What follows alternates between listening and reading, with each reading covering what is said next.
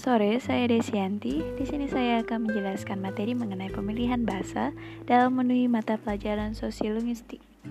Bahasa menurut Kerab Goris adalah alat komunikasi antara anggota masyarakat berupa simbol bunyi yang dihasilkan oleh alat ucap manusia. Studi bahasa sifatnya multidisipliner, yakni bahwa studi bahasa banyak melibatkan disiplin ilmu-ilmu yang lain. Menurut Hari Multikrida Laksana, mengkaji bahasa harus melibatkan aspek-aspek sosial yang mencitrakan masyarakat tersebut seperti tatanan sosial, strata sosial, umur, lingkungan, dan lain-lain. Linguis yang pertama menyatakan tentang perlunya kajian mengenai hubungan antara perilaku penutur dan status sosial. Kuri inilah yang kemudian melahirkan disiplin baru dengan kajian linguistik, yakni sosiolinguistik. Sosiolinguistik merupakan salah satu disiplin ilmu linguistik yang mengkaji hubungan bahasa dengan masyarakat. Pengkajian bahasa dan mengaitkan terhadap masyarakat baik menjadi penutur maupun lawan tutur sangatlah penting karena tanpa Tanpanya, maka kajian bahasa tersebut akan menghilangkan aspek-aspek penting dan bahkan menyempitkan pandangan terhadap disiplin bahasa itu sendiri.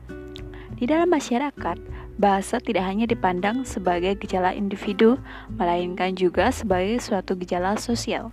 Oleh karena itu, penggunaan bahasa di dalam masyarakat tidak hanya ditentukan oleh faktor-faktor linguistik saja, tetapi juga oleh faktor-faktor non-linguistik seperti status sosial, tingkat pendidikan, umur, tingkat ekonomi, jenis kelamin, dan sebagainya.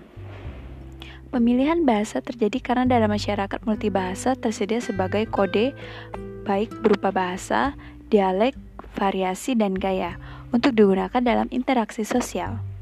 Pemilihan bahasa adalah suatu tindakan memilih sebuah bahasa secara keseluruhan dalam suatu komunikasi Pemilihan bahasa bukan hanya merupakan fenomena linguistik, melainkan juga fenomena sosial, budaya, dan psikologi. Karena dalam melakukan pemilihan bahasa, ada banyak faktor yang mempengaruhi. Demikian faktor-faktor. Fenomena pemilihan bahasa dalam masyarakat multibahasa merupakan sesuatu yang kompleks di mana penutur harus memilih bahasa yang ia gunakan. Menurut Evin Tripp, mengidentifikasikan empat faktor utama yang mempengaruhi pemilihan bahasa dalam interaksi sosial, yaitu latar, partisipasi dan interaksi, topik percakapan, dan fungsi interaksi. Yang pertama ada latar dan situasi interaksi. Latar ini berkaitan dengan waktu dan tempat terjadinya interaksi seperti apakah interaksi terjadi di rumah, di jalan, di sekolah, di kantor, di pasar, atau di tempat lain.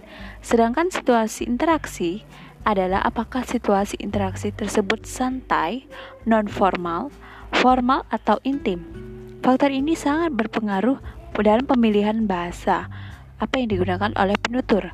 Dari hasil penelitian ini juga menunjukkan hal yang sama di mana perbedaan tempat percakapan juga merubah pemilihan bahasa yang digunakan. Hal ini terlibat di mana responden cenderung menggunakan ragam bahasa Jawa ngoko ketika berbicara dengan teman-temannya yang tinggal di daerah dan menggunakan ragam bahasa Indonesia non-formal ketika berbicara dengan teman-temannya sesama mahasiswa mahasiswa Kabupaten yang tinggal di Depok. Yang kedua, ada partisipan dan interaksi. Partisipan dalam interaksi atau lawan bicara dari penutur juga mempengaruhi sikap masyarakat multibahasa dalam melakukan pemilihan bahasa. Faktor ini mencakup hal-hal seperti usia, jenis kelamin, pekerjaan, status sosial ekonomi, dan hubungannya dengan mitra tutur apakah hubungan keduanya merupakan hubungan akrab, berjarak, atau intim. Ragam bahasa yang digunakan oleh perempuan terhadap laki-laki berbeda dengan ragam bahasa yang digunakan oleh perempuan terhadap sama perempuan, dan begitu pula sebaliknya. Ragam bahasa yang digunakan anak terhadap orang tua berbeda dengan ragam bahasa yang mereka gunakan terhadap teman, adik, kakak, dosen, maupun teman dekat. Yang ketiga, ada topik pembicaraan. Tema atau topik pembicaraan pengaruhi ragam bahasa yang digunakan dalam berkomunikasi.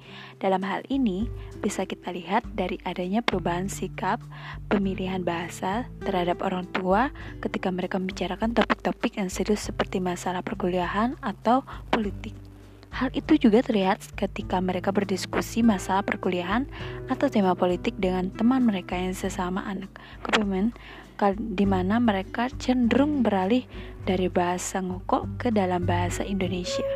Dari sini dapat saya simpulkan bahwa masyarakat multibahasa cenderung memilih bahasa Indonesia non formal dan formal untuk berdiskusi mengenai masalah pendidikan dan politik. Yang keempat, fungsi interaksi ini berkaitan dengan tujuan dari interaksi itu sendiri seperti penawaran, pencapaian informasi, permohonan, atau percakapan biasa sehari-hari. Ketika interaksi tersebut dengan tujuan pencapaian informasi, seperti interaksi yang terjadi di dalam kelas di mana dosen memberikan informasi berupa ilmu dan pengetahuan terhadap mahasiswa, maka ragam bahasa yang digunakan adalah ragam bahasa informatif. Sedangkan jika interaksi tersebut adalah percakapan, percakapan biasa di antara teman, maka ragam bahasa yang digunakan adalah ragam bahasa santai. Dalam hal ini bisa kita lihat dari pemilihan bahasa yang dilakukan oleh mahasiswa tersebut ketika mereka menginginkan keakraban dengan lawan tuturnya, mereka akan memilih bahasa Indonesia non formal atau bahasa Jawa Ngoko. Hal ini karena kedua jenis seragam bahasa tersebut dinilai lebih santai dan akrab. Sekian, terima kasih.